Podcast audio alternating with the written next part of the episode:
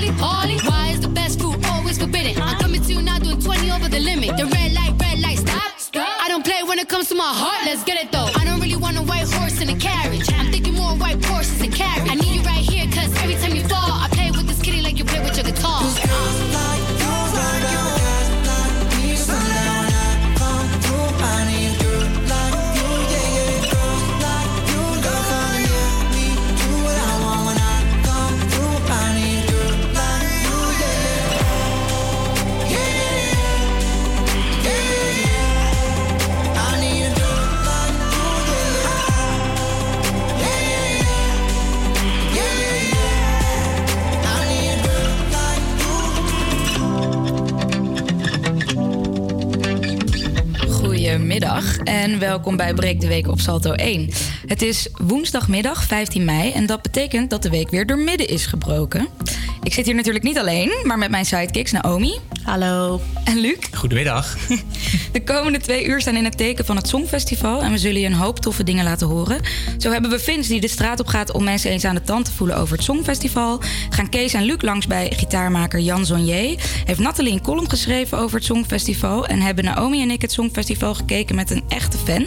En iemand die er juist niks van weet. Wow. Ja. Ja.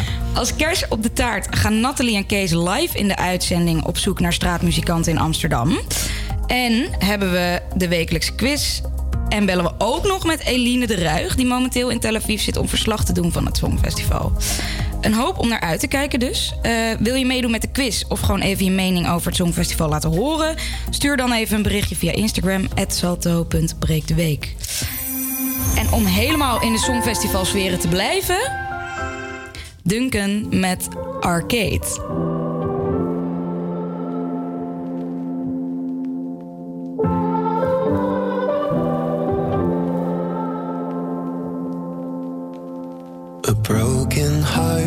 Is all that's left. I'm still fixing all the cracks. Lost a couple of pieces when I carried it, carried it, carried it home. I'm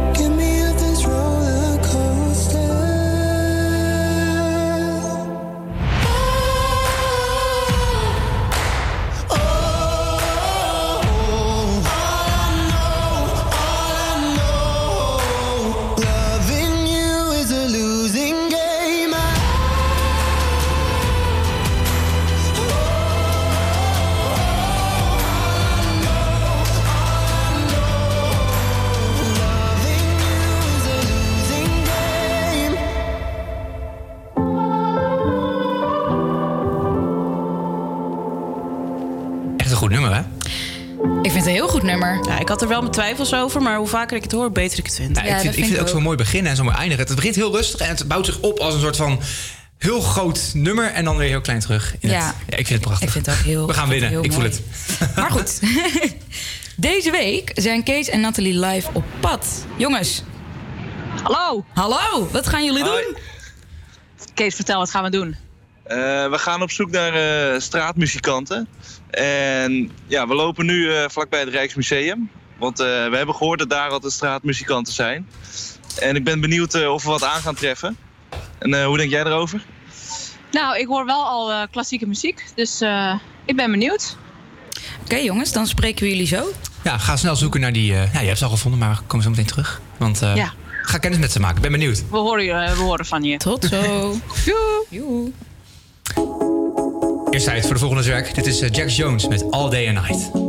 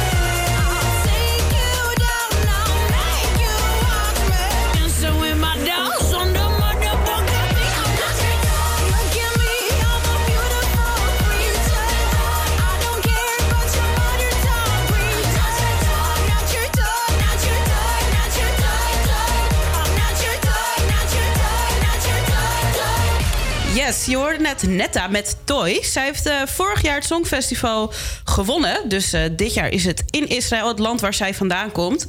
En eh, ja, we gaan het natuurlijk ook hebben met, of met studenten hebben we het ook gehad over het Songfestival. En we gaan even luisteren wat zij ervan vonden.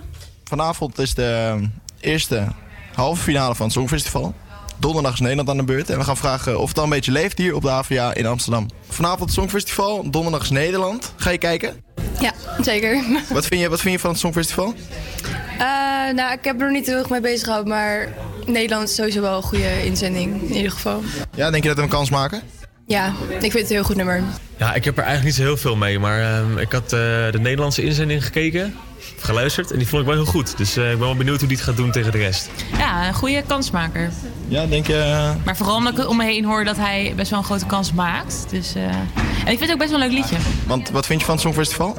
Nou, ik vind het gewoon een grote happening. Ik kijk gewoon samen met mijn buurvrouw. Want het is gewoon, eigenlijk is het optredens afkraken. En ook alweer leuke nieuwe muziek ontdekken als die erin zit. Is, het een, is het een jaarlijks dingetje dat je gaat kijken wel? Eh, ja, de afgelopen vijf jaar zeker. Ja. En wat vind je van de Nederlandse inzending dit jaar? Ehm, als ik kijk over de afgelopen jaren, denk ik dat dit wel een van de betere liedjes is die wij hebben ingezonden. Ik vind het altijd gewoon heel erg leuk, omdat het allemaal heel erg over de top kan zijn. En wat vind je van Nederland dit jaar? Hmm, ja, op zich het is een goed nummer, maar voor mij is Eurovisie echt van over de top. En ik vind dit is wel gewoon een beetje... Ja, het klinkt een beetje allemaal als de rest. Allemaal van die eh, poppy, mellow onzin. Dus je maakt geen kans, denk je? Nou, ja, waarschijnlijk wel, maar het is altijd mijn favoriete winnen nooit. Heb je, heb je de laatste jaren een beetje gekeken naar het Songfestival? Ja, ik heb Waylon en Ilse Lange wel gevolgd. Touwe Bob ook wel. Vorig jaar was het. Volgens mij weer Ilse. Vorig jaar was Waylon alleen. Oh, Waylon alleen. Oh ja, dat heb ik ook wel gezien. Ja, ook. En heb je nou een liedje wat je denkt van, die vond ik de beste? Of eh, een, een herinnering aan het Songfestival? Ja, dat kwam After the Storm. Dat was, zo, dat was zo'n ding dat iedereen dat, dat liedje, dat ken ik nog steeds wel, ja. Van Waylon en eh, Ilse. Toen werden we tweede. Ja, dat is toch best goed. Nu een plekje omhoog. Ja, zeker. We gaan winnen. En heb je, heb je nog een, een herinnering aan een Songfestival liedje? Een inzending een keer dat je dacht van, nou, dat, is me echt wel bijgebleven? Ehm, nou, ik denk eigenlijk vooral Junior Songfestival. Met eh, Ralf, dat hij eh, ging tappen. Dat was denk ik de eerste die eh, ik heb gekeken volgens mij. Het was wel niet heel lang geleden, maar Maar hij ja. had gewonnen, toch? Ja, ja, het is helemaal gewoon van Nederland en van Europa. Dus nu gaan we voor de tweede winst. Lijkt me leuk. Het is wel, eh, ik heb natuurlijk al een beetje onderzoek gedaan naar hoe en wat. En wat er allemaal anders staat. Maar dit is wel echt een heel puur echt nummer. Want ik wel denk dat dat eh, op zich wel een kans kan gaan maken. En dat zeg ik niet snel over Nederland.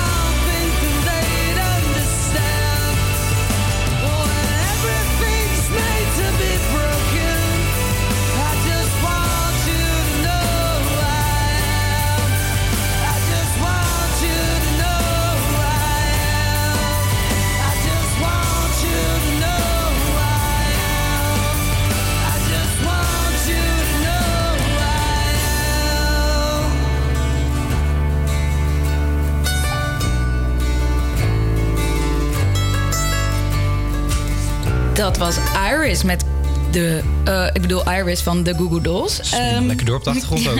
Ze tokkelen nog lekker. Ja, En klaar. een leuk nummertje hoor. Eh, welkom terug bij Breek de Week op Salto 1. Omdat de uitzending natuurlijk helemaal in het teken staat van muziek... zijn Kees en Nathalie live op pad om heel even eh, naar straatmuzikanten te kijken... en even lekker sfeer te proeven van de Amsterdamse straatmuziek scene. Ik hoor al wat op de achtergrond. Ja, is dat? Jongens. Ja, we staan nu eh, onder het Rijksmuseum. Aha. En hier eh, staat elke dag zo'n eh bandje klassieke muziek te spelen, zoals je kan horen. Ja. Ja, dus een violist, eh, twee accordeons en een instrument dat ik eh, totaal niet Ja, ken. en een hele grote vierkante gitaar. Best wel professioneel eigenlijk. Ja, horen jullie het een beetje goed? Zeker. Ja, en er staan ook wat eh, mensen omheen. We, we kunnen wel vragen wat ze ervan vinden. Can we ask you something? Hello. Uh, what do you think of the music?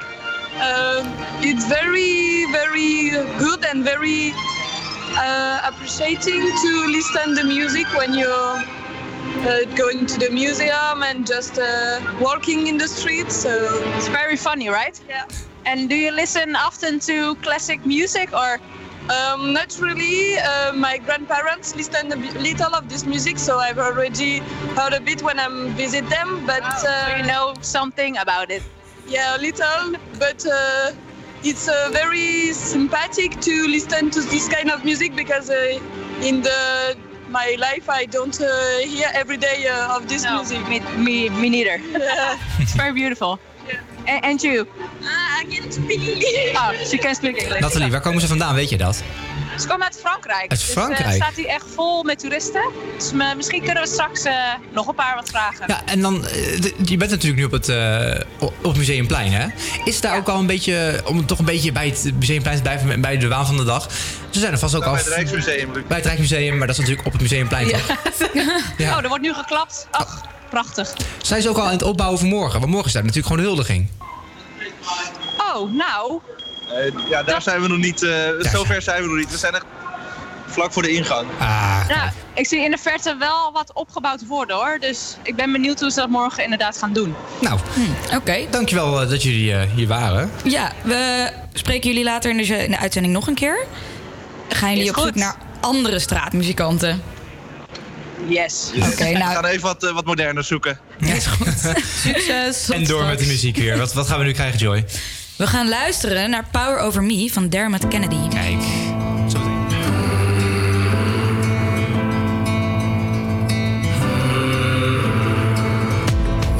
king in your story.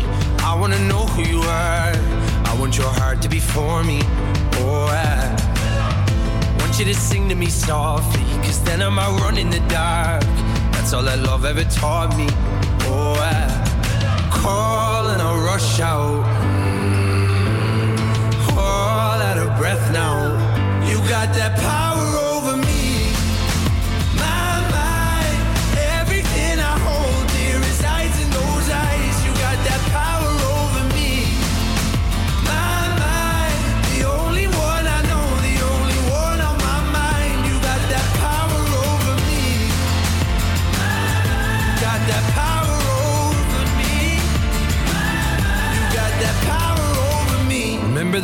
in the moonlight. Remember you shivered and shone.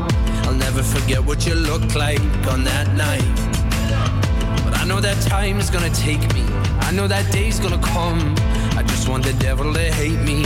Oh, I call and I rush out. Mm. All out of breath now.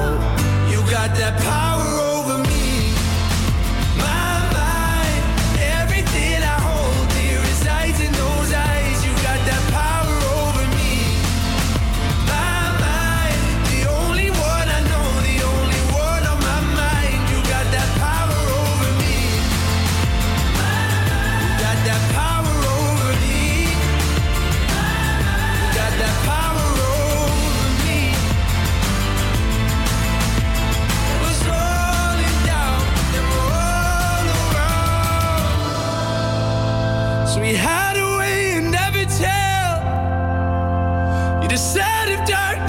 you well. That lesson of love, all that it was. I need you to see You got that power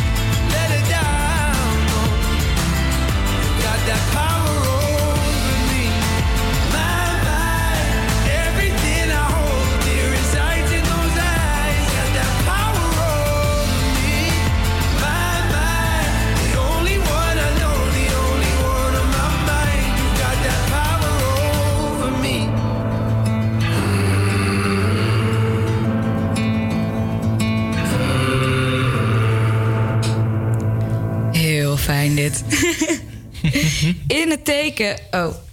Jawel, sorry. Foutje van de zaak. In het teken van muziek zijn Luc en Kees deze week een kijkje gaan nemen bij een man met een wel heel bijzonder beroep. Jan Zonnier is namelijk gitaarmaker. We hebben het de hele uitzending over muziek. En je denkt misschien dan aan zingen. Maar waar is muziek eigenlijk zonder goede instrumenten? Ik ben eigenlijk wel benieuwd hoe die gemaakt worden. En dus zijn wij vandaag, Kees en ik, in Amersfoort bij gitaarmaker Jan Zonnier om hier achter te komen. En Kees, heel kort, voordat we naar binnen gaan, wat zijn de verwachtingen? We gaan het proces zien eh, dat erbij komt kijken.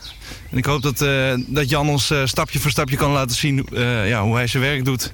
En hoe een gitaar van een blokhout tot een instrument komt. Ja, dat hoop ik ook, want ik heb het eigenlijk eerlijk gezegd nog nooit gezien. Dus laten we maar snel naar binnen gaan. Nou, Jans eh, werkplaats zit eh, achter zijn huis. We zijn net bij zijn huis binnengekomen aan de zijkant. Een soort van eh, schattig poortje. En er hangt ook een bordje bij met Jan Jonzee, gitaarmaker. En daarachter is zijn werkplaats in een soort van hele grote schuur. Tot nu toe ziet het wel leuk uit, toch Kees? Ja, het ziet er leuk uit. Ja, ik ben ook gewoon benieuwd wat er nou bij komt kijken. Ik had eigenlijk een grotere werkplaats verwacht. Ja, we zien hem nu vanuit, staan in de tuin. We kijken nu door de ramen heen. Eh naar Jan, die is nog bezig met iets. Ik denk dat we even naartoe moeten lopen en eh, kijken wat hij aan het doen is. Ja, laten we vooral snel even gaan. Zo, het is eh, helemaal van hout hier binnen. Dat, dat had ik niet verwacht. eh. Dat had ik niet verwacht, Jan. Eén nadeel, de vloer kraakt. Hoeveel eh, dagen zit je hier nou dagelijks te werken ongeveer? Eh, vier dagen per week. Oké. En eh, er hangen ook allemaal gitaren eigenlijk al eh, aan, de, aan het plafond eigenlijk. Zijn dat lopende projecten? Zijn die allemaal af? Er zijn eh, een paar gitaren bij die helemaal af zijn. Er zijn de meeste zijn eh, van cursisten die eh, hier rondlopen. Die komen één keer per 14 dagen en bouwen aan hun eigen instrument. Dus die hangen hier ook. En eh, ja, er hangen daar ook allerlei stukken die eh, in staat van wording zijn. En Nou ja, ik zou zeggen, laten we snel naar het eh, eerste deel gaan van het, eh, van het traject van de maker van de gitaar. Namelijk, dat is als hij binnenkomt. Hè? En dat wordt nog met een machine bewerkt, toch? Nou, als hij binnenkomt, wat wat er binnenkomt zijn planken. Ja. en die planken die eh, kun je bewerken, dat kan allemaal met de hand. Eh, en ik heb wel eens een keer een gitaar helemaal met de hand gedaan, maar dan ben je veel tijd kwijt. En dat ruwe hout probeer ik inderdaad machinaal te bewerken. Eh, nou, dan kunnen we even naar het hok hiernaast lopen. Ondertussen zijn wij Jan gevolgd naar zijn werkplaats, naar waar de machines staan. Want dit is het eerste deel van het maken van een gitaar. Want je, bent, je hebt nu, komt met de plank aanlopen. En wat doe je dan? Ja, die planken zijn, deze is al een beetje geschaafd, maar die planken zijn alleen maar gezaagd. Een bekantrecht heet dat dan in het eh, jargon. Het ziet er ook gewoon uit als een normale plank. Het is gewoon een houten plank. normale plank, ja. Maar als ik hem echt zou pakken, dan zou je zien dat hij eh, ruwer is. Dus ik maak hem eerst glad, haaks en een beetje op dikte. Die planken zijn, als ik ze binnenkrijg, ze maar bijna 3 centimeter dik. En ze moeten 2 centimeter worden. Oké. Dat kun je er met de hand afschaven, maar dat gaat makkelijker met zo'n vlak en van dikteplank. Het na aardige werk kan ook met deze. Dit is een cilinderschuurmachine. Die is heel handig voor het dunne hout met name. De bovenbladen en de rug, om die er doorheen te gooien. Het eerste stofafzuiging aan, want je wordt helemaal gek als je dat niet zou doen. Ja, dus inderdaad staat de stofzuiger aan. Een soort van eh, grote blaas en een grote buis. Dat zuigt allemaal naar het eh, plafond. Ja. ja. En eh, nou, nu pakt Jan de plank. Die gaat er aan de voorkant in. Dan moet ik eens even kijken hoe dik ik ongeveer ben. Oké. Nu zet ik de schuurrol aan, die zie je hier. En nu zet ik de transportband er onderin aan. Nou, de band staat aan en de, de schuurmachine ook. En nu ligt eigenlijk op een grote lopende band, ligt het plankje. Gaat er precies onderdoor. Waardoor het eh, eigenlijk gewoon geschuurd wordt waar je bij staat. En nu hoor je dat hij inderdaad...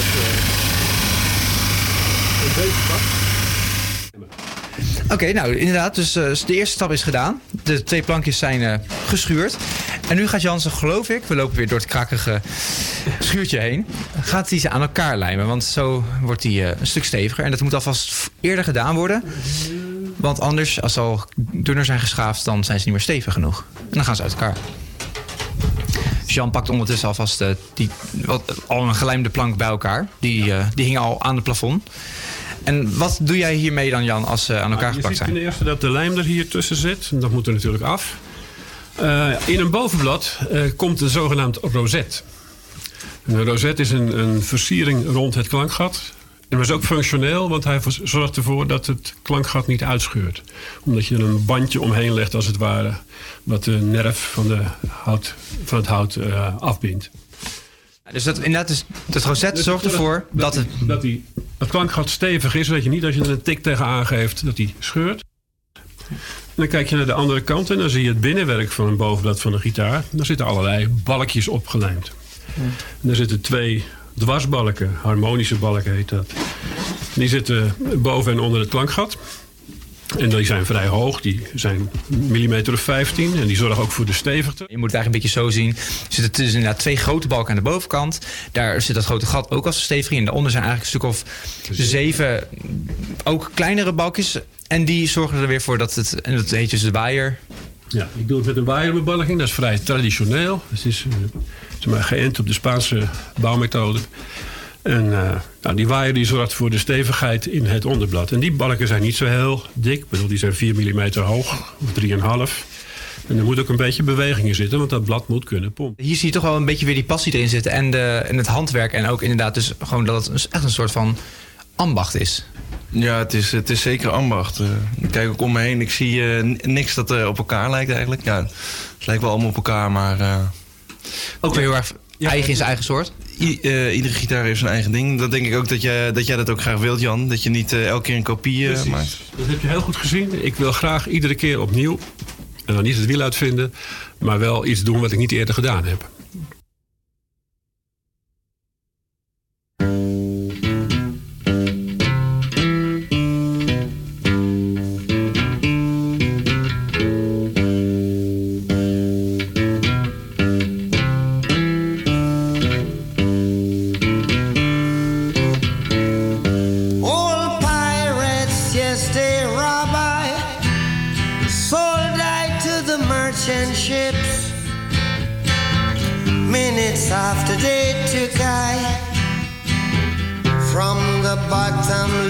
Pit.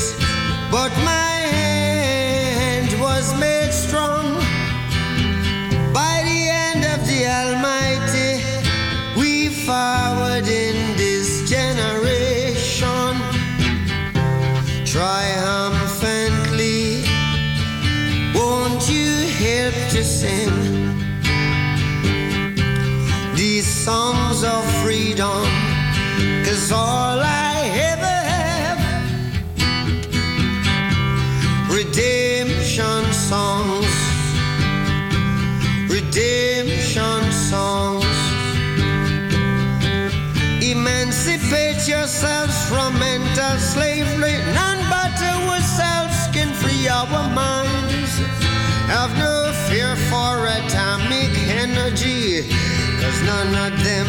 stop the time. How long shall they kill our prophets while we stand aside and look? Ooh, some say it's just a part of it. We've got to fulfill the book. Won't you help to sing these songs of freedom? Cause all I every day.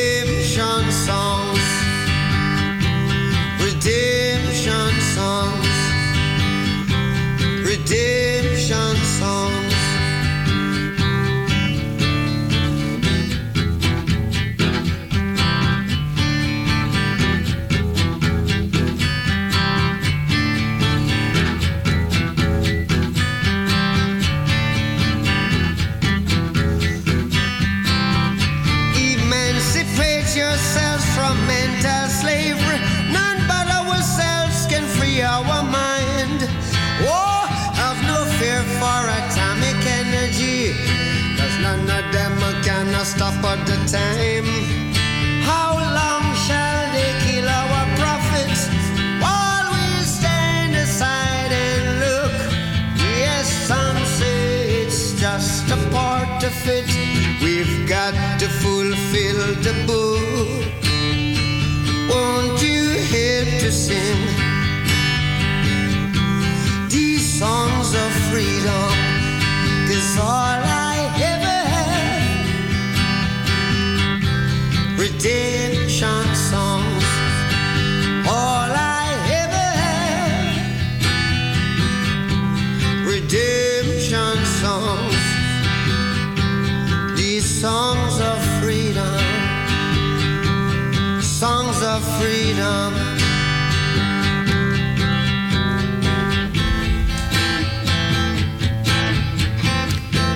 Welkom, of fijn als je nog luistert, naar Breektweek bij Salto 1. Wauw. Ja, als, eh, als gisteren was natuurlijk het Songfestival. En Nederland doet als een van de weinige landen al vanaf het begin mee. En ja, als je al vanaf het begin meedoet, dan zijn er natuurlijk ook een paar nummers die het niet zo goed doen. En ja, daar gaan we het even over hebben. Want dit zijn de drie slechtste nummers die Nederland ooit heeft ingestuurd naar het Songfestival. Nummer 3. In 2011 scoorden de 3J's met het nummer Never Alone slechts 13 punten.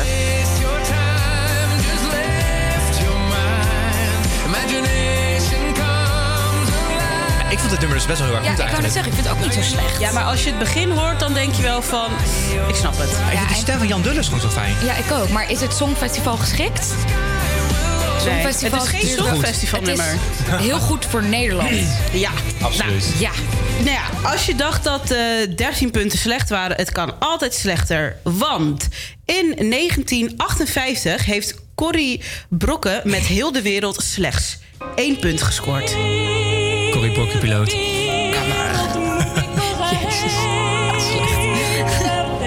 Onthoud wel, zeg maar, eh, toen moest je nog in je eigen taal zingen. Dat vind ik een goede regel. Nu is Nederland niet heel erg... Nee, dat is niet echt een hele mooie taal. Nee. Nee. Maar één is, punt? Maar Pools is ook niet heel mooi. Corrie, Corrie, Corrie. Ja. Ik denk dat, het wel- dat we het wel snappen.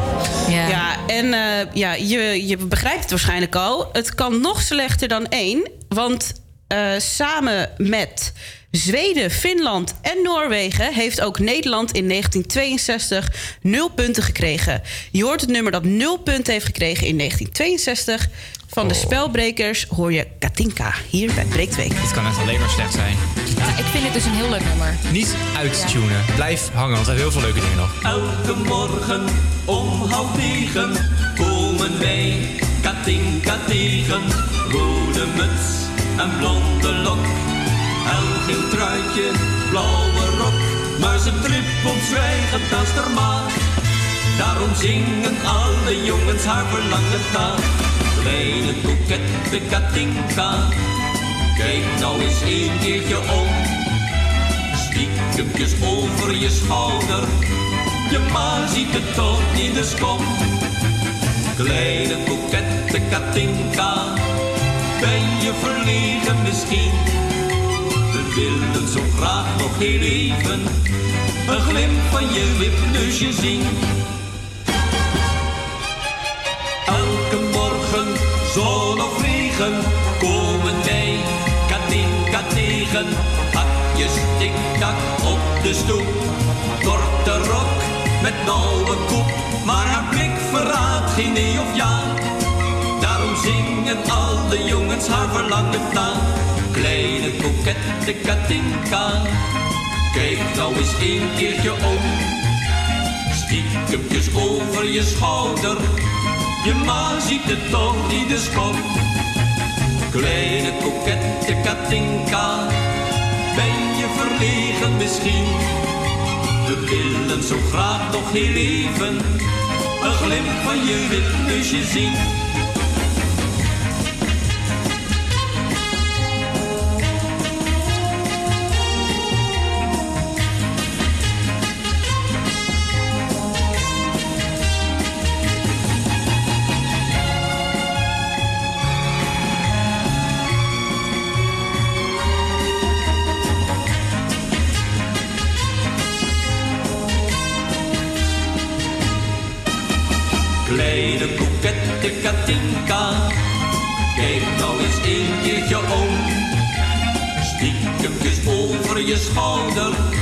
Je ma ziet het toch niet, dus kom. Kleine kokette Katinka. Ben je verlegen misschien? We willen zo graag nog heel even. Een glimp van je wipneusje zien. La la la la la la. Ik hoop dat je hebt genoten van het fantastische Katinka van de Spelbrekers. Voor het geval dat je wilde weten hoe het heette. Ja, ik in ieder geval wel. Ik ga er dus heel hard op, maar ik ben blijkbaar de enige. Top. Luc en Kees zijn net al eh, bij gitaarmaker Zonje, Jan Zonje in Amersfoort geweest. Maar je hoort nu het vervolg van hoe je een gitaar maakt. De vorige is verkocht. Laten wij, we hebben in ieder geval nu de bovenblad eh, klaar. Laten we doorgaan met het volgende deel in eh, onze bouw. Laten we eens kijken naar de hals. De hals, want inderdaad, we hebben dus inderdaad nu de bovenplank. Maar een gitaar heeft natuurlijk altijd een hals. En daar gaan we nu eh, aandacht aan besteden. Kijken. Wat je hier ziet is een, een eh, hals in staat van wording. Ehm, en dit is zoals ik de meeste gitaren bouw. En dat is op de, ik heb dat misschien al een paar keer gezegd, de traditionele Spaanse manier. Je kunt een gitaar in principe op twee manieren bouwen. Of je bouwt eerst een losse klankkast en een losse hals. En dan zet je ze daarna aan elkaar. Dat is wat heel veel fabrieken doen. Dat is ook makkelijk. Als je het allemaal netjes eh, uit kunt passen. Je kunt het ook doen door de hals eh, te voorzien van een blok waarin je sleuven zaagt. Die sleuven noem je zijwandsleuven en de zijwanden vallen in die sleuven. Dit is zoals ik een gitaar in elkaar zet. Er ligt een mal onder. Die noem je met een net woord een solera. Dat is Spaans voor steunbalk. Ja, het is eigenlijk gewoon een, eh, een steunbalk in de vorm van een gitaar. Ja, eh, daar zitten een aantal eh, dingen in. Onder andere een halshoek. Want de hals van een gitaar staat nooit precies in hetzelfde vlak als het bovenblad. altijd een In dit beetje scheef. staat hij een beetje voorover, omdat het een klassieke gitaar is. Als ik een staalsnaren ga dan moet hij juist achterover. Ik zal er niet vermoeien met hoe dat dan precies zit. We houden het even bij deze klassieke gitaar. Nou, dan zie je ehm, die hals die ik net liet zien, die zit hier ook. Je ziet dat er inmiddels ook sleuven in de kop zitten. Daar passen de mechanieken in. Die zaten er daar nog niet in. Je ziet dat hier de zijwanden erin lopen. Hier zit de zogenaamde kontklos. Dat is de kont van de gitaar. Dat is een dik stuk hout. Dat is een dik stuk hout. Eh, die lijmt de twee zijbanden ook aan elkaar. En dan zie je hier het bovenblad. Dat hebben we net ook zo gezien. Zo'nzelfde soort bebalking. je ziet nog steeds die, eh, die dwarsbalk inderdaad en de waaier, waaierbalking. Precies. En dan zie je dat ik hier de hals heb vastgelijmd aan het bovenblad. Hier, op deze plek. Dus die verbindt de, ja, eigenlijk de, de, de klankkast met de hals. Ja. En dan moet het eh, bovenblad ook aan de zijwanden verbonden worden. En dat doe ik met zogenaamde tentallones. Dat zijn die kleine stukjes hout die je hier ziet. Dat zijn een soort van houtsnippers eigenlijk. Grote, grote houtsnippers. grote houtsnippers. Ehm, dat zijn losse eh, blokjes om te lijmen. En dat doe ik omdat je als je op deze manier bouwt... kan ik hier heel slecht druk geven. En dan heb ik een verbinding die ook eh, overal precies goed past. Ja, en je, ziet inderdaad ook die, die, die, hou- die veredelde houtsnippers, die grote, grote houtsnippers, die zitten helemaal rond de gitaar eigenlijk. En zo houden die dus het- de zijkant samen met het voorblad aan elkaar vast. En de hals, dus die hebben we er ook aan zitten. Dan plakken we deze lijnvoering erin. Die is wel aan één stuk. Ja, dat is eigenlijk een soort van, ja, wat zijn het? Een stuk hout met... eh, Een stuk hout met, met sleufjes erin. erin, ja. Een zogenaamde curved lining. Ehm, ja, een lijnvoering met sleufjes. Ehm, en die kun je wel plakken. Ik zal het even laten zien hoe je dat doet. Daar heb ik een, knijperbak voor. Ja, een bak vol met wasknijpers. Dat zijn allemaal plastic knijpers, dat is wel zo handig. En die zet je gewoon, als de lijm ertussen zit, zo vast. Want dit balkje is flexibel als je hem, eh, als je, als je hem zeg maar, ja, pakt. dit balkje is heel flexibel. Ah ja, ja, Jan pakt nu inderdaad eentje vast. Ja, dit is- ziet eigenlijk gewoon uit een soort van spoorrails, zo flexibel. Van vroeger van het speelgoed. Ja, precies. Oké. Dus dat gaat erin. En eh, we zien nou een bak met, eh, ik denk misschien wel 100 knijpers. Hoeveel doe je er nou op? Nou, de hele binding eh, langs. Dus ik denk dat er op een gegeven moment wel eh, 60, 70 eh, knijpers op zitten. Ja, totdat hij eigenlijk gewoon vastgelijmd Tot die zit. vast zit. En dan moet het een tijdje drogen. En dan kun je weer de volgende stap gaan doen. Ja, precies. Want die volgende stap. Ik zie nu een voorkant, ik zie een hals, ik zie een zijkant.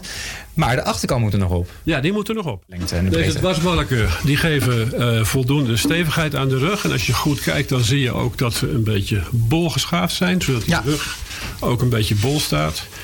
En ook aan deze kant gaat hij straks een beetje bol staan. Want hij moet er hier zo overheen vallen. Oké, nou, nu legt Jan eh, achterkant er bovenop. En er steken nog wel wat plankjes uit. Ja, nu steken de, de balken, de rugbalken steken nog uit. Want wat ik ga doen is dat ik die balken precies pas ga maken op de zijwanden. Dus ik leg eerst die rug zo neer dat hij precies in het over de middennaad loopt. Dat hij netjes ligt. Dat ik overal voldoende hout over heb. Dat is ongeveer dit. En dan pak ik een potloodje en dan teken ik hier de lengte van deze balk af. En ik teken gelijk af de plek waar die balk de zijwand raakt. En dan ga ik een paar millimeter naar binnen deze balken inkorten. Zodat ze binnen de zijwand vallen. Maar met die balken wel gaan passen in een, In een gleufje. In een gleufje wat je hier uit de lijmvoering haalt. Dus dan heb ik zes nokjes en zes holletjes. En dan, En dan moet hij er eigenlijk gewoon invallen, inderdaad. En dan valt hij erin en dan past hij ook. En dan kan hij ook niet meer verschuiven. En dat is uiteindelijk wat je wil natuurlijk. Dat niet dat de achterkant er halverwege een beetje uitvalt. Of dat die... Nee, dus die moet gewoon netjes zitten. Dan in één keer de lijm erop en dan als een gek die dingen erop zetten. Oké. En dan is eigenlijk de gitaar bijna klaar, Kees, denk ik. Ja, Nou, ja. zo halverwege ongeveer. We zijn, we zijn halverwege. Ik ben nu pas halverwege. Ik dacht, oh, je, eh, ik denk als alles eenmaal zit, dan doe je de snaren erop en, eh, en je doet even wat lak erover en dan ben je klaar. Maar zo makkelijk is het dus. ja, het, eh. het lijkt nu inderdaad aardig als een gitaar, behalve dan er, dat er nog geen snaren in zitten natuurlijk. Maar misschien moet er wat, wat moet er heel kort, eigenlijk wat moet er dan mee gedaan worden nog? Wat er nog mist. Hij haalt nu de volgende gitaar van het plafond af. Ja. En ik mis nog snaren. Ja, precies. Is dat het laatste wat je Je doet, mist snaren? nog snaren, je mist nog mechaniek en je mist nog een kam. Een kam. Een kam, moet er ook nog bij. Haal ik idee.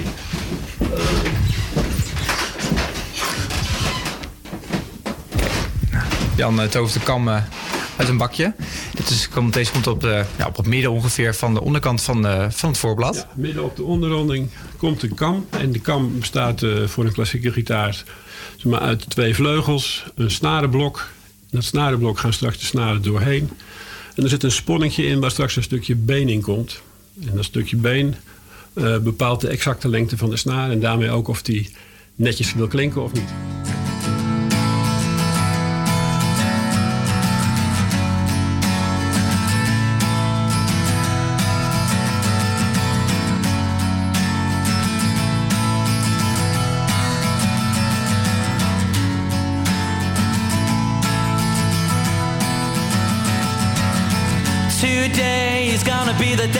They're gonna throw it back to you. By now, you should have somehow realized what you gotta do. I don't believe that anybody feels the way I do about you now.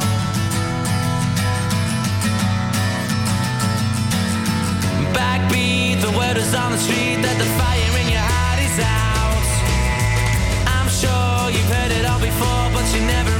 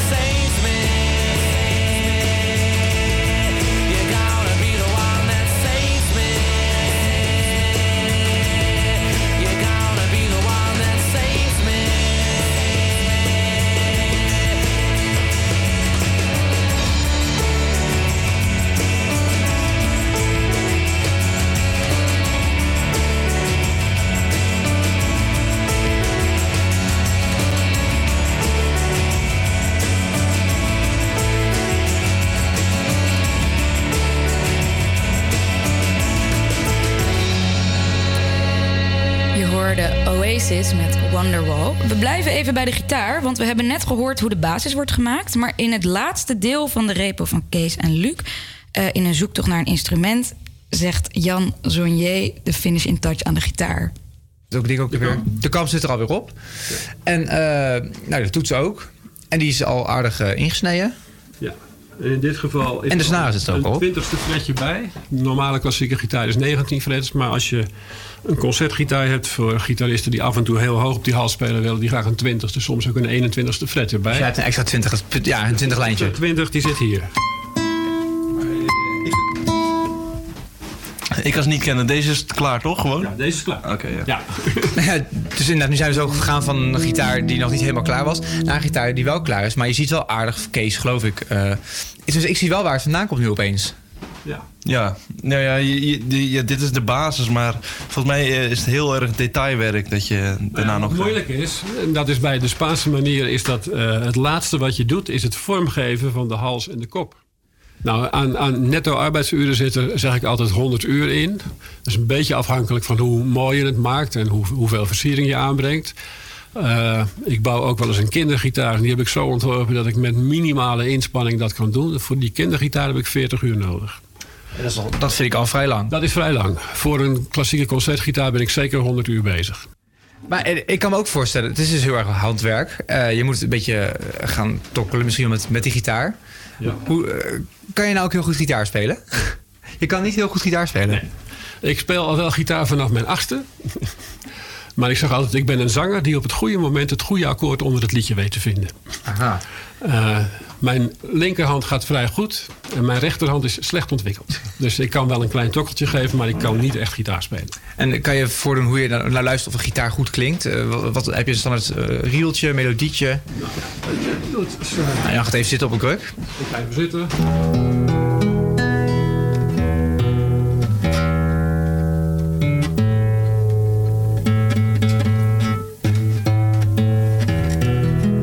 Nou, zo moet het maar even.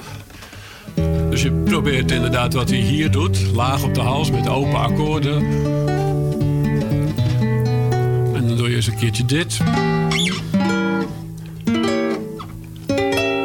Dan ga je naar boven. En zo eens kijken van, doet hij het daar ook? En wat heel belangrijk is, is dat hij goed intoneert. En dat is het volgende. Dit is een flageolet op de twaalfde fret van de E-snaar. Ik als een eh muziekleek eigenlijk, eh, de twaalfde fret is het, eh, hoe kan je dat anders beschrijven? Het is een octaafpunt kun je ook zeggen. Deze snaar los. En deze, die geflette noot, klinkt precies een octaaf hoger. Dus dat is weer van een E naar een E. Of van een C naar een C of wat dan ook. En je zit bij het twaalfde lijntje op, op de... Je zit bij ja. het twaalfde fretje op de gitaar. Ja, dus elke, elke lijn op de, op, de, op de hals eigenlijk, dat is eigenlijk een fret. Ja, ja. Kees. Ja, dat, nee, maar dat wilde ik eigenlijk even... Ja, ja voor- ik, eh, dat, is- ik ben ook een leek op het gebied van eh, gitaarspelen. Dus ik eh, vind het ook wel duidelijk goed om te weten, inderdaad. Zeker. Dus zo speel je eigenlijk dat riedeltje. En als ze allemaal mooi helder klinken, dan is voor jou... Mooi helder klinken. Ik bedoel, ik ga nog wel iets verder dan, dan dit. Maar het is zowel in het laag als in het hoog kijken of al die tonen een beetje willen klinken. Of er niet een paar tussen zitten die er uitknallen. Dat noem je vaak dan een wolftoon. Dan zit je net in de, in de buurt van de eigen resonantie van de kast. Nou, het wordt een heel technisch verhaal, maar dat gaan we niet doen. Eh, that's another story, zou ik maar zeggen. Ja, en ik vind sowieso, je praat heel erg gepassioneerd over, dit, over het gitaar maken. En het is echt, het is echt jouw ding. Eh, ik voel me eigenlijk af, waar komt het eigenlijk precies vandaan, eh, Jan? Is het al van jongs af aan of is dat een beetje erin gegroeid? Nou ja, ik ben de jongste van drie kinderen. Mijn broer is elf jaar ouder dan ik. Toen hij 18 was en feestjes thuis organiseerde, waren daar jongens die gitaar speelden. En ik ging dan onder de tafel zitten, trok het tafelkleed een beetje naar beneden, zodat ik dacht dat mijn moeder me niet zag. En dan was ik altijd eh, nou, aan het luisteren naar wat die jongens deden. En dat wilde ik ook. Maar ja, ik was acht en de gitaar is zo groot. Dus ik moest mandoline spelen. Eh, dat vond ik niet leuk. Dat is niet mijn ding. Nee. Eh, en ik had een aardige opa en die was wel muzikaal, die speelde viool. En met hem heb ik mijn eerste gitaartje gebouwd. Dat zou je op dit moment een cigarbox ukulele noemen. Vier snaren en een vierkante klankkast. Een heel klein eh Een klein gitaar. dingetje, maar toen was ik acht toen- ik dat gemaakt heb. Eh, en dat was op zich wel een hele leuke belevenis. Daarna eh, heb ik gestudeerd, economie. Ik heb allerlei ander werk gedaan. tot mijn, nou, begin halverwege de 40. En toen was ik het zat. En toen kwam toch die gitaar weer naar boven. En toen ben ik voor de grap bij een collega van me een gitaar gaan bouwen op een cursus. En dat vond ik zo leuk dat ik dacht van nou, ik doe er nog één. En ik doe er nog één. Ik heb een cursus gevolgd bij Johan Reeberg in Utrecht. Dat is een collega van me.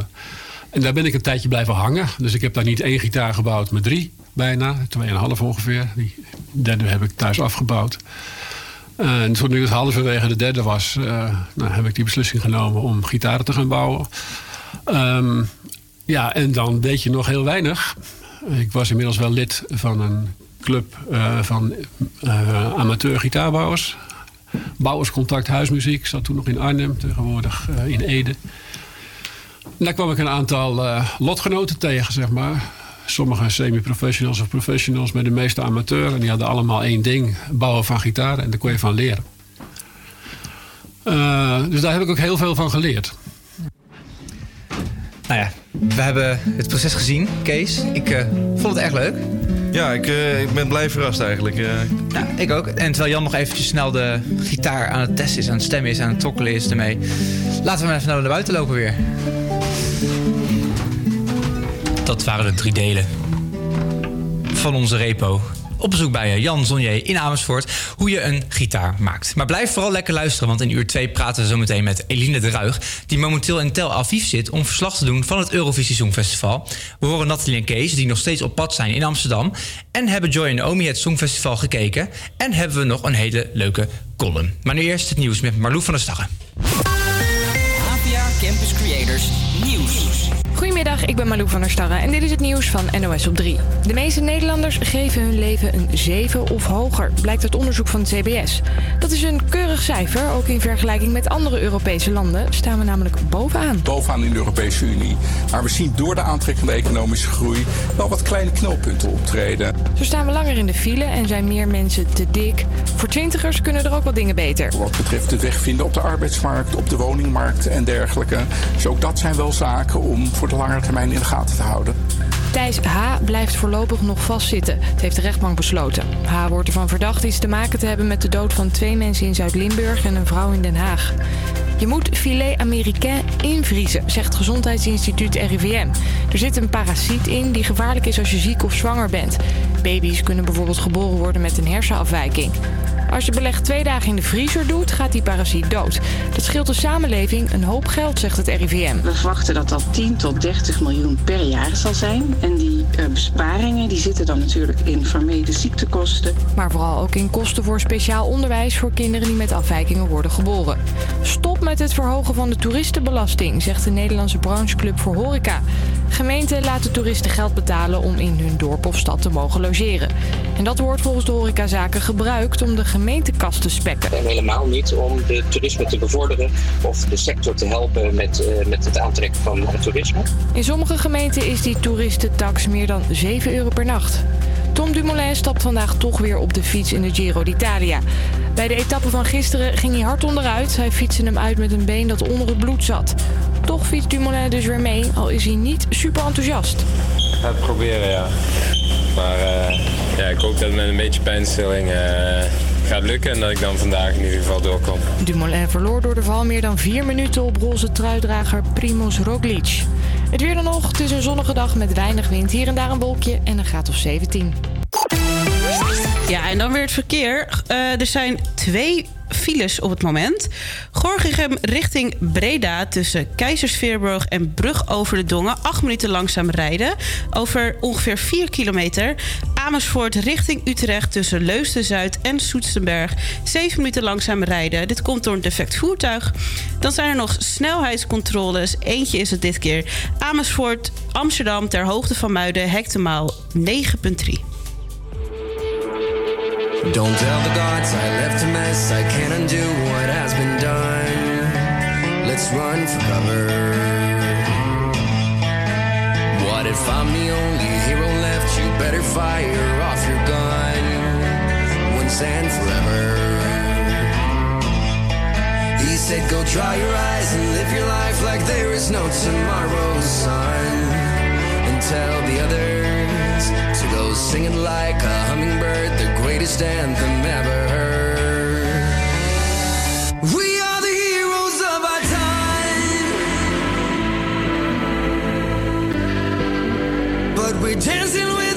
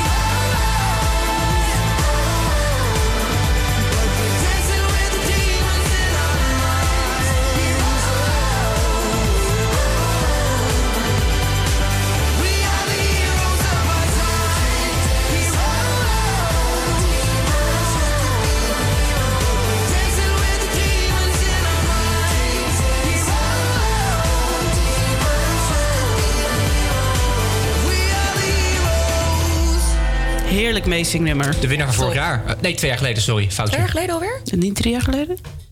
Geen idee. Geen idee. In ieder geval. Fijn dat je nog luistert naar het tweede uur van Breek de Week op Salto 1. De uitzending van vandaag staat volledig in het teken van muziek en het Songfestival. In dit uur hoor je Kees en Nathalie, die nog altijd live op pad zijn om een kijkje te nemen bij straatmuzikanten. Je hoort een column van Nathalie. En Naomi en ik gaan het Songfestival kijken met een echte fan en iemand die er helemaal niks mee heeft. Verder hebben we natuurlijk nog de wekelijkse quiz. En bellen we met Eline de Ruig, die momenteel in Tel Aviv zit om verslag te doen van het Songfestival.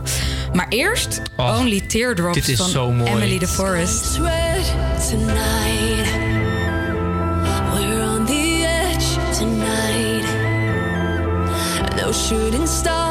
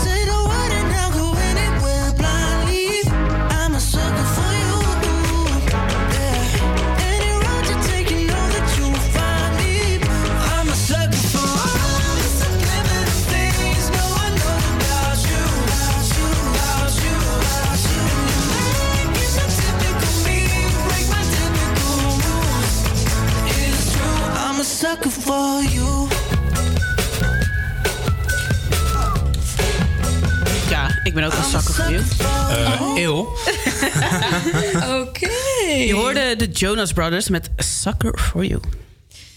Ja, gisteravond was dus het eerste deel van het Songfestival. Eh, Naomi en ik hebben dat gekeken. Luister maar gewoon mee, zou ik zeggen.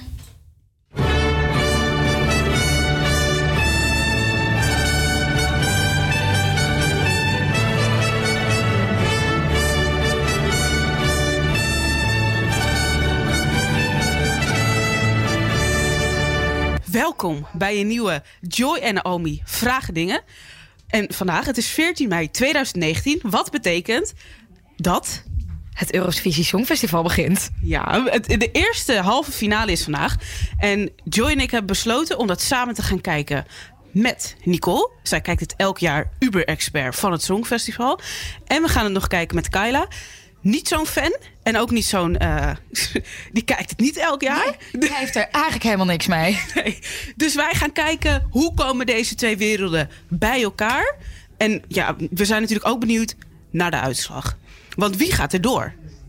Ik heb geen idee. Nee, we gaan het meemaken en we nemen jullie mee in deze driedelige reportage. Let's go. Dus, Nicole, jij kijkt elk jaar het Songfestival. Ja, dat klopt. Al sinds ik vijf ben. Elk jaar van trouwe fan. Eh, Zweden, dat is een paar jaar terug met Euphoria. Toen had Loreen gewonnen. Dat was echt mijn favoriet tot nu toe. Ja, die was wel een goeie. Dat was wel echt een hele goeie. Waarom vind je het Songfestival zo leuk? Ja, het is een soort van... Ik weet niet, je kan wegdromen. Het is allemaal zo heftig met glitz en glamour. En iedereen is zo mooi en het is zo gezellig. Dus ik, ja, ik weet niet. Ik word heel blij van als ik naar kijk. Eh, ja, je hoorde net eh, Nicole. Ik loop nu even naar, eh, naar Kyla. Kyla, jij bent niet zo'n fan. Nee, dat klopt inderdaad. Ja. Hoezo niet? Ja, ik vind het gewoon eerlijk gezegd niet zo interessant. Ik heb altijd zoiets van, ja, één dag en heel veel lang die gaan zingen, ja, leuk, maar hè, wat, wat moet ik ermee? Nee, ik heb er gewoon geen verwachtingen bij. Want ik vind het gewoon heel lang wel. Ik, ik kan me gewoon niet voorstellen dat ik twee uur lang naar landen ga kijken die ik waarschijnlijk niet ken. Of tenminste, althans, ik ken de landen wel, maar de artiesten niet. En ja, ik laat het allemaal gewoon een beetje op me afkomen. Nou, zoals Kyla zegt, we laten het op ons afkomen. Nog drie minuten en dan, dan begint het voor 2019. Het Songfestival. Het is begonnen, mensen. Het Eurovisie Songfestival 2019. Het eerste beeld wat we zien is een, eh, zo een, romantisering. Oh, ik denk dat dit de winnares is van vorig jaar. Die we zien als kind, dus die er dus ooit van droomde om het Songfestival te winnen. Ja, of, eh, om het even duidelijk te geven. We nemen jullie gewoon vanavond mee in de gekste acts, in de meest spraakmakende acts. Dus ja, laten we zo beginnen tijdens het eerste nummer. Jongens, het eerste land wordt geïntroduceerd. Het is Cyprus. Cyprus! Eh, dat zijn hele mooie laarzen, geloof ik, die ze daar aan heeft. Ja, Zo, jezus. My god. ja. Eh, ze heeft gewoon laarzen aan die tot haar eh, lies gaan. Ja. Om het te beschrijven. Voor de rest heeft ze een heel kittig pakje aan. Ik kan je nu al zeggen, dus zij gaat door. Ja, En waar baseer je dat op? Gewoon, ik weet het. Sommige nummers zijn zo Eurovisie, typisch Eurovisie. Je weet gewoon, ze gaan door. Zulke nummers gaan altijd door. Ik vind het wel een kittig pakje hoor. Maar besef even, ze zingt eigenlijk vet vals, hè? En dat valt nu niemand op, omdat het gewoon Ja. zo een show is. Oké, nou het eerste nummer. En we gaan meteen door naar het volgende land. Montenegro. Montenegro. Kom maar op, het is een, eh, eh, de eerste groep van de avond. Allemaal vals. Niet één, maar alle vijf hoor. Vijf, er? Maar besef even dat deze groep is gevormd voor het Songfestival. Dat ze zijn getraind op een speciale school voor het Eurovisie Songfestival. En dat dit is wat eruit komt. Ja, dit is echt heel erg. Ja, die muziekschool zit met de handen in het haar. Ja. Want dit, dit is wat jou gaat tegen, vertegenwoordigen. Ja, oh? Dan krijg je dus eerst een shout-out. En dan doen ze dit. Nou, je naam kapot. Eh, laten we gewoon afsluiten. Montenegro, dit was niet jullie jaar. Op naar het volgende nummer. Nou, Tsjechië, het laatste nummer van eh, het eerste deel. Jonas Brothers, ik zeg het je. Ja, ze gaan door. je weet het allemaal. Ze gaan sowieso door. Knappe man gaan altijd door. Ook zo, als jij in de eerste zoveel acts zit, dan heb je het minst kans om te winnen. Omdat iedereen jou is vergeten tegen het einde van de Eurovisie. Dus hoe meer vuur jij gebruikt, ten, eh, zeg maar het als je op het laatste bent, dan word je sowieso gaan mensen meer op jou stemmen. Nou, oké. Dit, was, eh, dit was het eerste deel van, de, van deze Eurovisie Songfestival review. Straks hoor je meer. Ja, zometeen dus deel 2 van gisteravond. Maar we hebben iemand aan de telefoon hangen. Ook alles te maken met het Songfestival. Ze is verslaggever, redacteur, ook wel chef entertainment van het RTL 4-programma Koffietijd.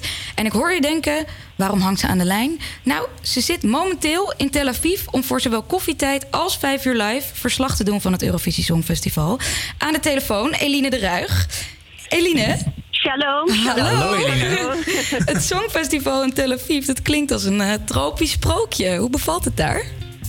Ja, dat is het ook echt hoor. We zitten hier volop eh, te genieten. Maar het is ook heel hard werken. Eh, het is echt eh 7 uur s ochtends opstaan tot 2, 3 uur s'nachts doorwerken. 4 uurtjes slapen en dan weer door.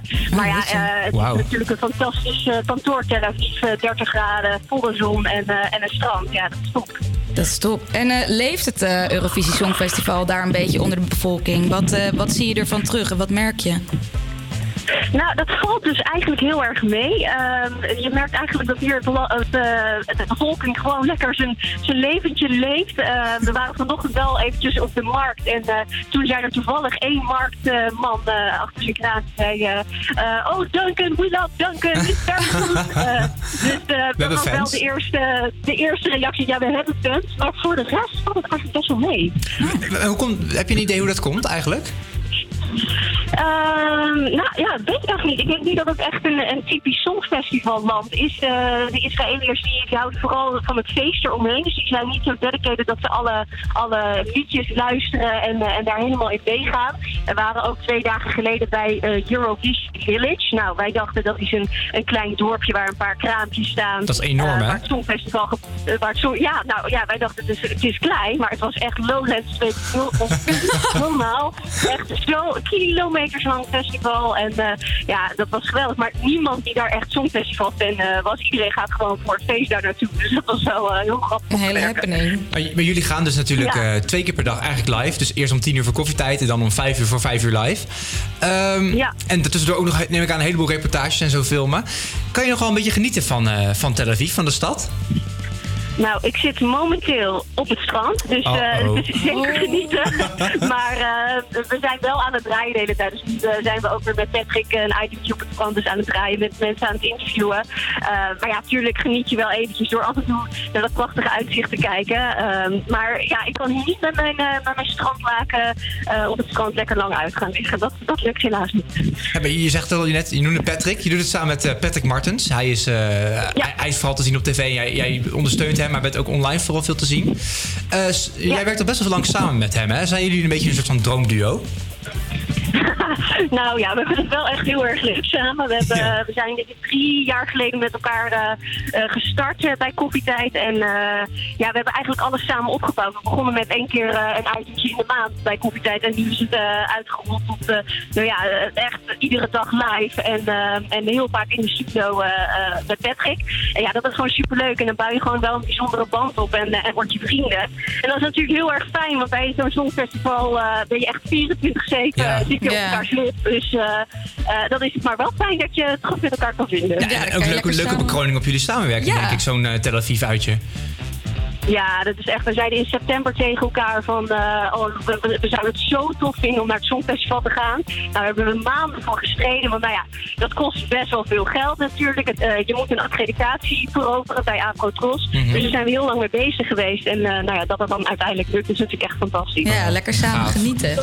Ehm, we zeiden het net al even, want je zit daar met Patrick voor zowel koffietijd eh, als vijf uur live. Eh, hoe bereiden jullie je voor op zo'n spannende live-uitzending? Thank you. Nou, we hebben nu eh, net eh, een item gedraaid. Dus wij gaan nu heel snel naar het perscentrum. Eh, dat is bij de expohal, dus waar, de, de hal waar al de optredens plaatsvinden. En daar hoor je eigenlijk alle nieuwtjes meteen als eerste. Dus wat wij doen als we daar zo meteen aankomen is meteen checken wat zijn de laatste nieuwtjes. Wat, wat doen de boekmakers.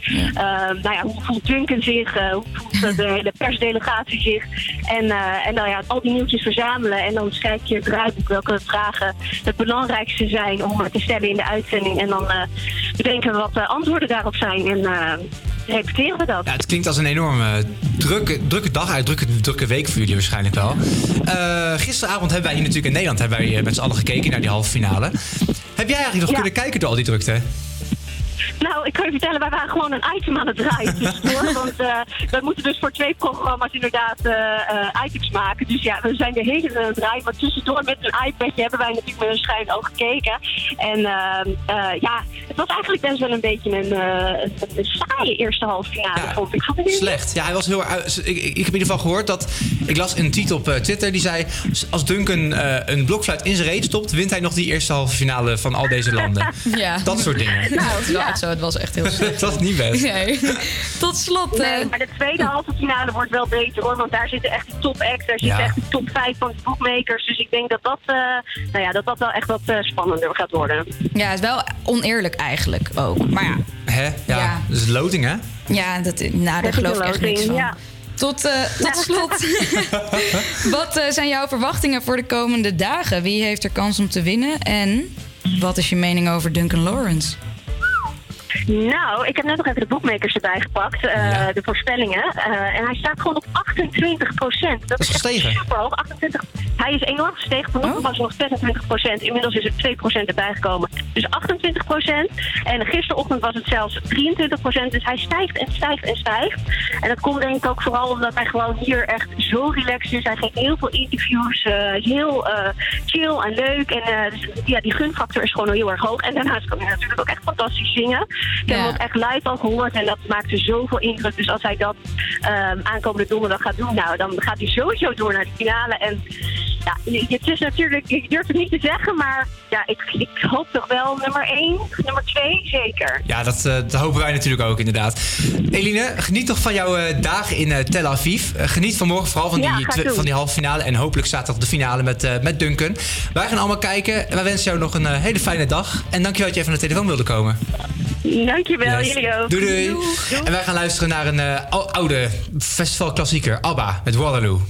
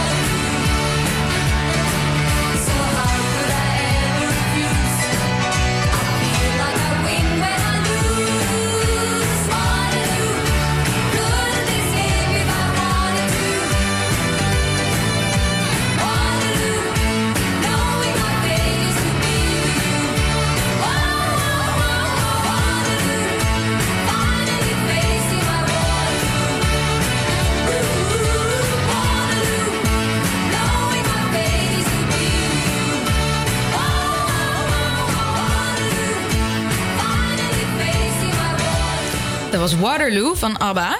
Eh, je luistert naar Breek de Week op Salto 1. Nathalie en Kees zijn in Amsterdam nog altijd op zoek naar interessante straatartiesten... en zijn eens even lekker wat sfeer aan het proeven. Jongens, hoe is het daar? Ja, horen jullie het? Ja? Ja, Prachtig. we staan bij een eh, draaiorgel. Ik had al zo vermoeden. ik, ik, ik denk een paar honderd meter meegelopen, want ze verplaatsen hem. Ja, toen dachten we even shit. Maar. eh, Je bent gewoon achteraan eh, gehobbeld. staan, gelukkig.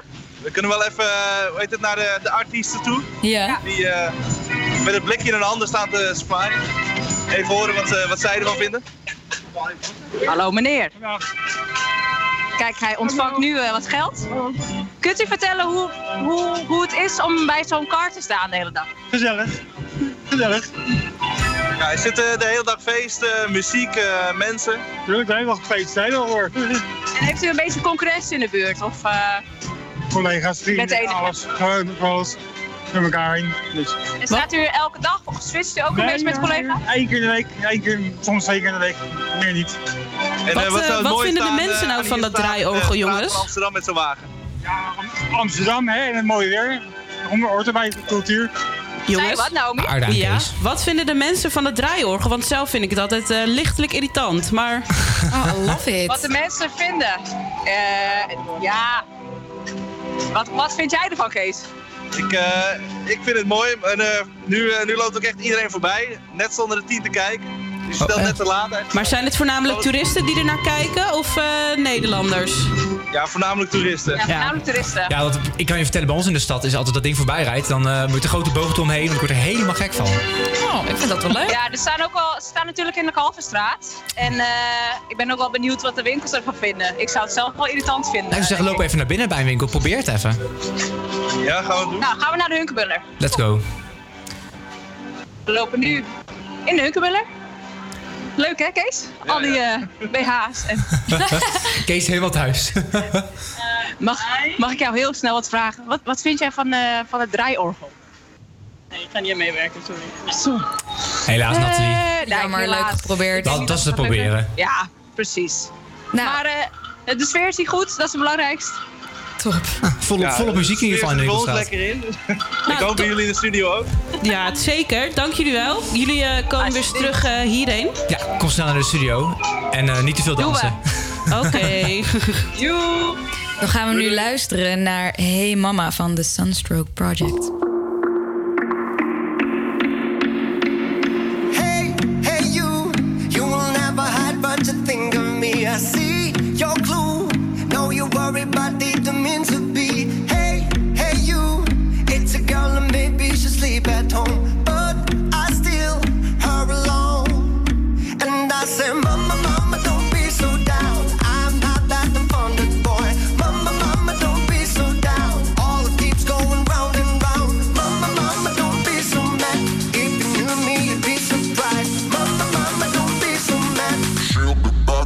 sunrise.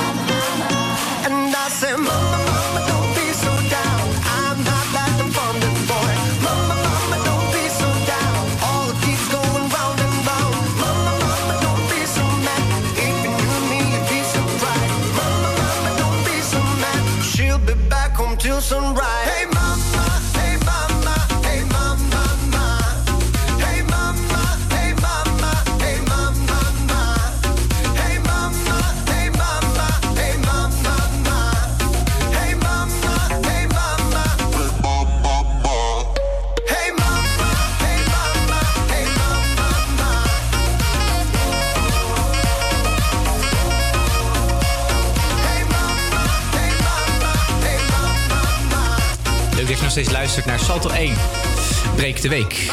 En dit was eh, Hey Mama van de Sunstroke, Sunstroke Project. En die deden in 2017 mee met het Songfestival. Best een eh, lekker nummertje eigenlijk met die eh, saxofoon. Goed, gisteravond was, dus het eer, gisteravond was het eerste deel van, van de halve finale van het Songfestival. En je hoorde net al de eerste deel van de avond van Joy en Naomi... die samen hebben gekeken met een fan van het Songfestival... en iemand die er helemaal niks mee heeft. Maar het is snel tijd voor deel 2 van dit enerverend avondje Songfestival kijken.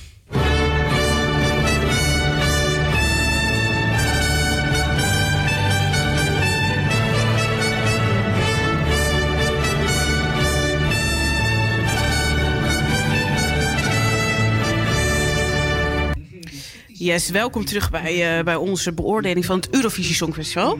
We zijn ondertussen bij... Welk, welk land? We zijn ondertussen bij Wit-Rusland.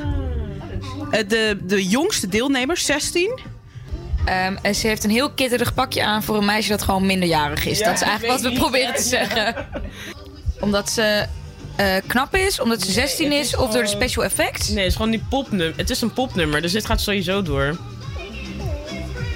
Ja. En volgens mij is dit gewoon geen sterke eh, halve finale. Dus ze hebben alle prutjes bij elkaar gestopt. Ja, echt? Dat doen ze altijd. Je hebt één sterke halve finale en één minder sterk. Maar dat is toch heel raar, want dan heb je niet alle sterk. Dan betekent dat de finale niet per se Ja. bestaat uit sterke mensen. Nee, is ook zo. Dat vind ik heel gek. Ja, maar afgelopen jaren is het altijd zo. Je hebt altijd één halve finale waarbij alle minder sterke mensen zijn. En één halve finale waar alle sterke mensen zijn. En ze, worden, als ze zeggen altijd, ja, het is loting. Maar daar geloof ik helemaal gekut van. Oh, Australië. Nou, voor, voor spek en bonen hoor. Voor spek en bonen. Dit jaar niet zo, altijd, niet zo'n goede inzending. Dus ik ben benieuwd. Dus het is wel heel schattig, though. Oh, die kroon. Lijkt Frozen wel, joh. Denk ik, denk wat? Oh, nou is dit you. Ja, hoor. Omschrijf even wat er nu gebeurt. Ja, ze, ze, oké, ze heeft een jurk aan als in Frozen. Ze zweeft boven een aardbol. Het is zeg maar alsof ze voor een greenscreen staat. Je ziet gewoon niet meer dat ze, in, dat ze op een podium staan. Ze zweeft boven een aardbol voor een paars universum. Oké, er zijn dus ook nog twee danseressen met zwarte jurken die ook zweven in een, nu een blauw universum. Nou, Elsa wordt gevangen genomen door twee boze heksen. Maar de boze heksen die vliegen de verkeerde kant op. Zo, daar lijkt het een beetje op. Helemaal, alleen maar rondjes. Alleen maar rondjes. Hiermee sluiten we maar gewoon even deel 2 af. Australië was gewoon niet zo goed. Eh, ja. Straks horen jullie de einduitslag en de laatste paar nummers. In deel 3. Dit is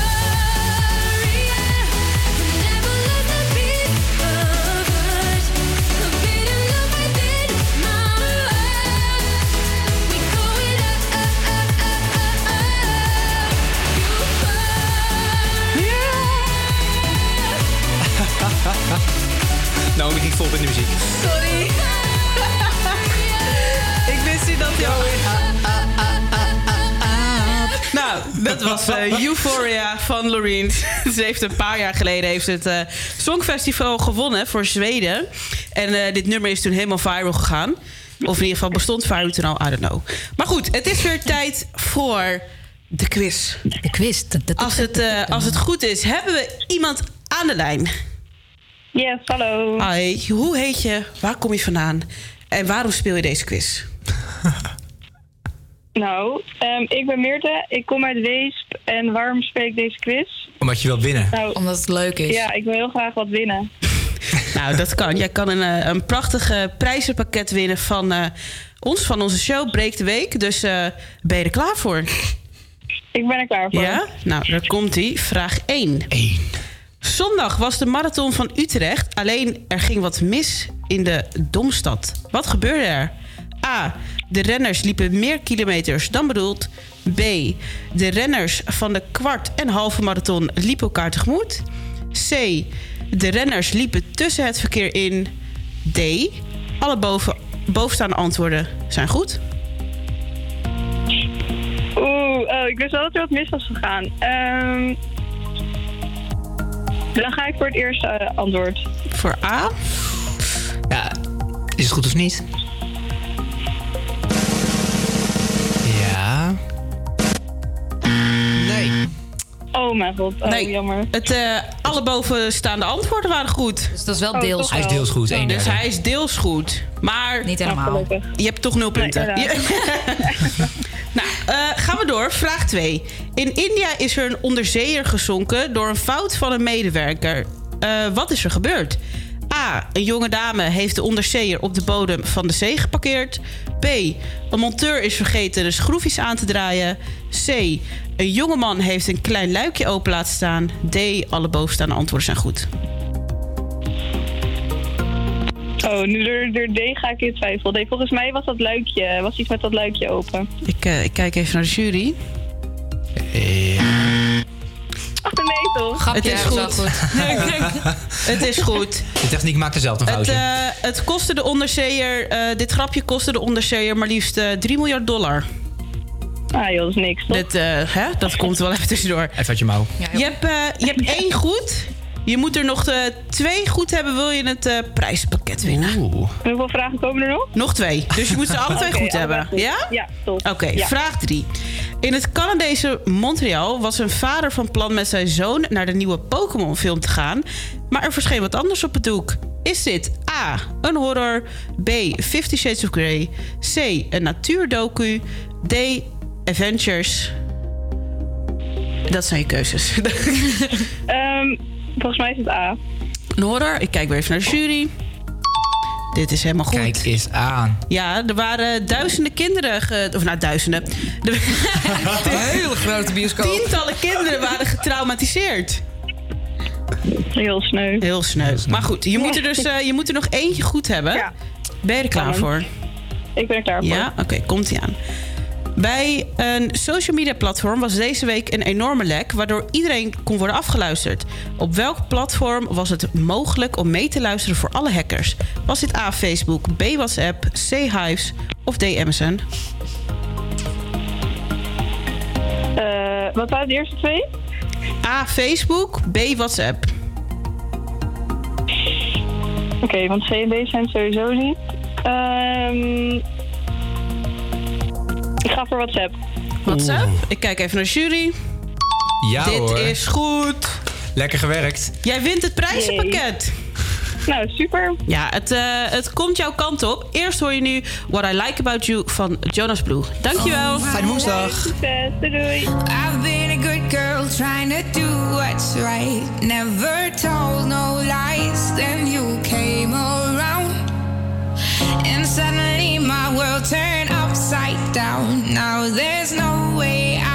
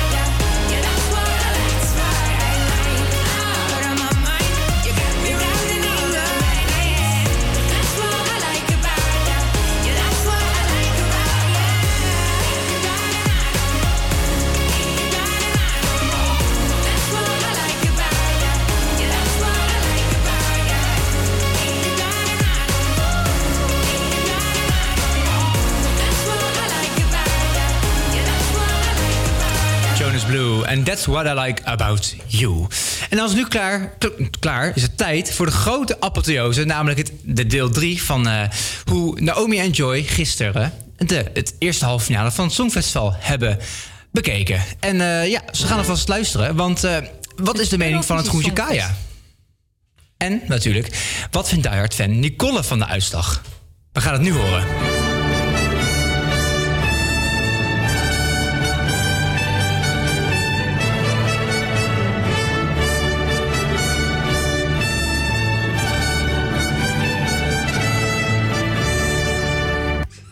Overigens welkom terug bij het laatste deel van de repo. Eh, we zijn sterk binnengekomen met IJsland. Jullie horen in het laatste deel nog eh, de, de uitslag en de laatste paar nummers. San Marino, het laatste nummer van de avond. Nou, het ziet er nu een beetje uit als een 50-jarige man die heel graag nog 20 wil zijn. Je ziet, het is. Oh nee. Het is een beetje naar karaoke gegaan. De tekst is er achterop. Oh, ik wou zo graag dat je dit kon zien. Je moet het even opzoeken op YouTube, want het is echt verschrikkelijk. Naast Australië, zoek ook San Marino op. Het is echt een leuk nummer, maar hij verpest het zeg maar. Want anders zouden ze doorgaan. Dit was het, dit waren de landen. Eerste reactie. Ja, pittig. Ik, eh, het is niet heel sterk. Er waren wel een paar sterke tussen. Jongens, de stemmen komen er zo aan. We houden jullie op de hoogte. Nicole, de kenner. Yes. Laat horen, welke landen denk je dat er wel doorgaan? Oh, wel. Oh, ik heb juist die Welke landen denk je dat er niet doorgaan? Niet. Oké, sowieso Montenegro niet, Poland niet, Hongarije niet, België niet, Griekenland niet, San Marino niet. En ik twijfel tussen nog drie landen: Finland, Slovenië of IJsland. Oké, de lijnen zijn gesloten. Het staat vast wie er doorgaat. We krijgen straks de, de uitslag. Ik denk binnen nu en 10 minuten ongeveer. Het blijft spannend. Daar En gaan we. We gaan nu horen wie er allemaal doorgaan. Nicole, heb je je lijstje klaar? Ja. Griekenland is door? Of niet? Is Griekenland door? op. Is Griekenland door? Zie je? Dit is dus echt een doorgestoken kaart. Hoe de fuck is Griekenland door? Zeg het Ja, ja. Tsjechië is door. Brothers, ja, Jonas Brothers. Maar dat wisten we al, dit wisten we al. Australië! Oké. Australië is door. Ja, echt hoor. Daar ben ik blij mee. Daar ben ik heel blij We kunnen weer ademen. We hebben, we hebben nu zekerheid dat we ze nog een keer op die stokjes gaan zien. Want ik vind het top. Echt waar. Portugal moet wel echt door. Sorry. Nee, Dit sorry. is nee. echt een grap. Nee, dit, dit is- dit kan niet. Er waren Dit echt is zoveel landen beter dan San Marino. Dat is echt. Oh my god. maat. Hij zong uit de maat. Nou, Oké, het laatste land. De drie slechtste landen zijn op dit moment door. Nou, mijn klomp is gebroken. Nou ja, Polen is niet door. Polen is niet door, maar Griekenland, San Marino en Slovenië. San Marino was echt bij far de slechtste. Oké, ik denk dat we kunnen concluderen dat we het er niet mee eens zijn. Maar jongens, eh, Australië is door en dat is wat telt. Nou, dat was hem weer. De Joy en Naomi vragen dingen voor deze week. Naomi. Ja, eh, ik ben gewoon sprakeloos, maar ja, dit was hem. Het was een leuke avond, het was een gezellige avond. Tot volgende week. Tot volgende week. Zelfde tijd, zelfde zender.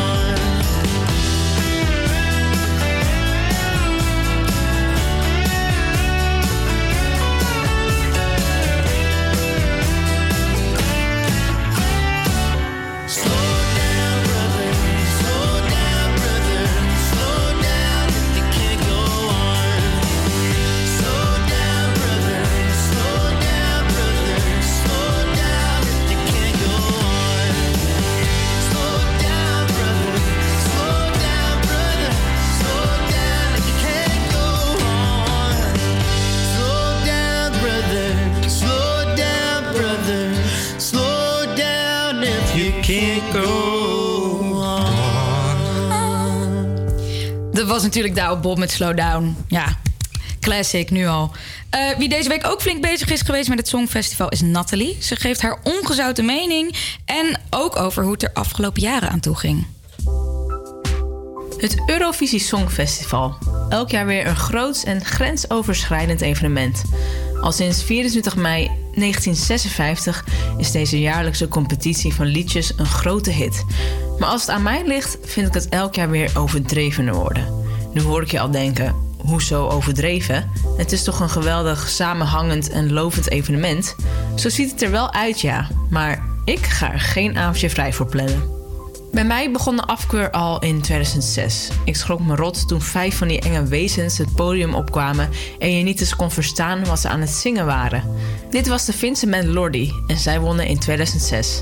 Vreselijke hardrock met te veel geschreeuw. Ik kon er echt niet naar kijken en vond het zelfs eng. Ik weet nog echt goed dat ik mezelf afvroeg: hoe kan zoiets nou winnen? Hoe? Dat is toch onmenselijk? Toch viel deze band bij velen in de smaak. Het lijkt vaak alsof normaal uitziende mensen eigenlijk niet mogen winnen. Er moet altijd iets extraordinairs zijn. Echter was ik acht jaar later, in 2014, wel super enthousiast. En laat het nou het jaar zijn waarin een normale Nederlandse band bijna de titel greep. Ilse de Lange en Welon hadden, naar mijn mening, een heerlijk nummer. En daarnaast zagen de twee er gewoon lekker normaal uit. Geen poespas, maar alleen een gitaar in de hand en drie andere muzikanten op het podium. En zo mag het voor mij wel vaker zijn. Kijk, Sineke zag er ook normaal uit, maar die kan je natuurlijk sowieso niet serieus nemen. En daar wil ik het liever ook niet over hebben. Douwe Bob daarentegen deed het in mijn ogen ook erg goed. In 2016 dacht ik dan ook dat hij best hoog zou scoren, maar helaas moest hij het doen met een elfde plek. Zijn nummer kent iedereen nog en heb je liever in je hoofd dan die van Sineke natuurlijk. De grote zalen met het overdreven blije publiek en perfecte decors, het lijkt bijna wel een sprookje. Elke artiest heeft een eigen tot op maat bedacht en prachtig ontworpen decor. Met speciale lichten en graphics waar je u tegen zegt. En dat doen ze elk jaar wel weer erg goed, moet ik toegeven. Ik merk dat ik er altijd wel een kleine glimp van wil zien. Maar dan alleen de Nederlandse inzending natuurlijk. Alhoewel ik stiekem wel meerdere optredens bekijk als ik daar zin en tijd voor heb. Zoals ik al zei, maak ik er zeker geen avond voor vrij en vind ik het allemaal overdreven. Maar na het type van deze openhartige column is mijn aversie tegen het Eurovisie Songfestival enigszins verminderd. Natuurlijk hoop ook ik elk jaar op een zege voor ons kikkerlandje. Als ik de komende week thuis ben, dan ga ik zeker Duncan Lawrence eens even goed beluisteren. Maar de rest van de optredens, nee, dat zet ik gewoon wat zachter. Ja, wij ook. Ja, dankjewel Nathalie. Eh, dat was het weer voor deze week. Bedankt voor het luisteren naar Breek de Week. Eh, hopelijk heb je genoten van de uitzending. Wij in ieder geval wel. Eh, Luc en Naomi, heel erg bedankt. Ja, het was maar genoeg weer, hè, Joy? Ja, ik, hey, Joy, ook. ja, ik heb, jij ook bedankt. Altijd, altijd gezellig met jullie. Eh, blijf lekker luisteren naar Salto, want zometeen hoor je Gilly. En nog een En, eh, fijne, week. woensdag. Een fijne week. Ja, joh.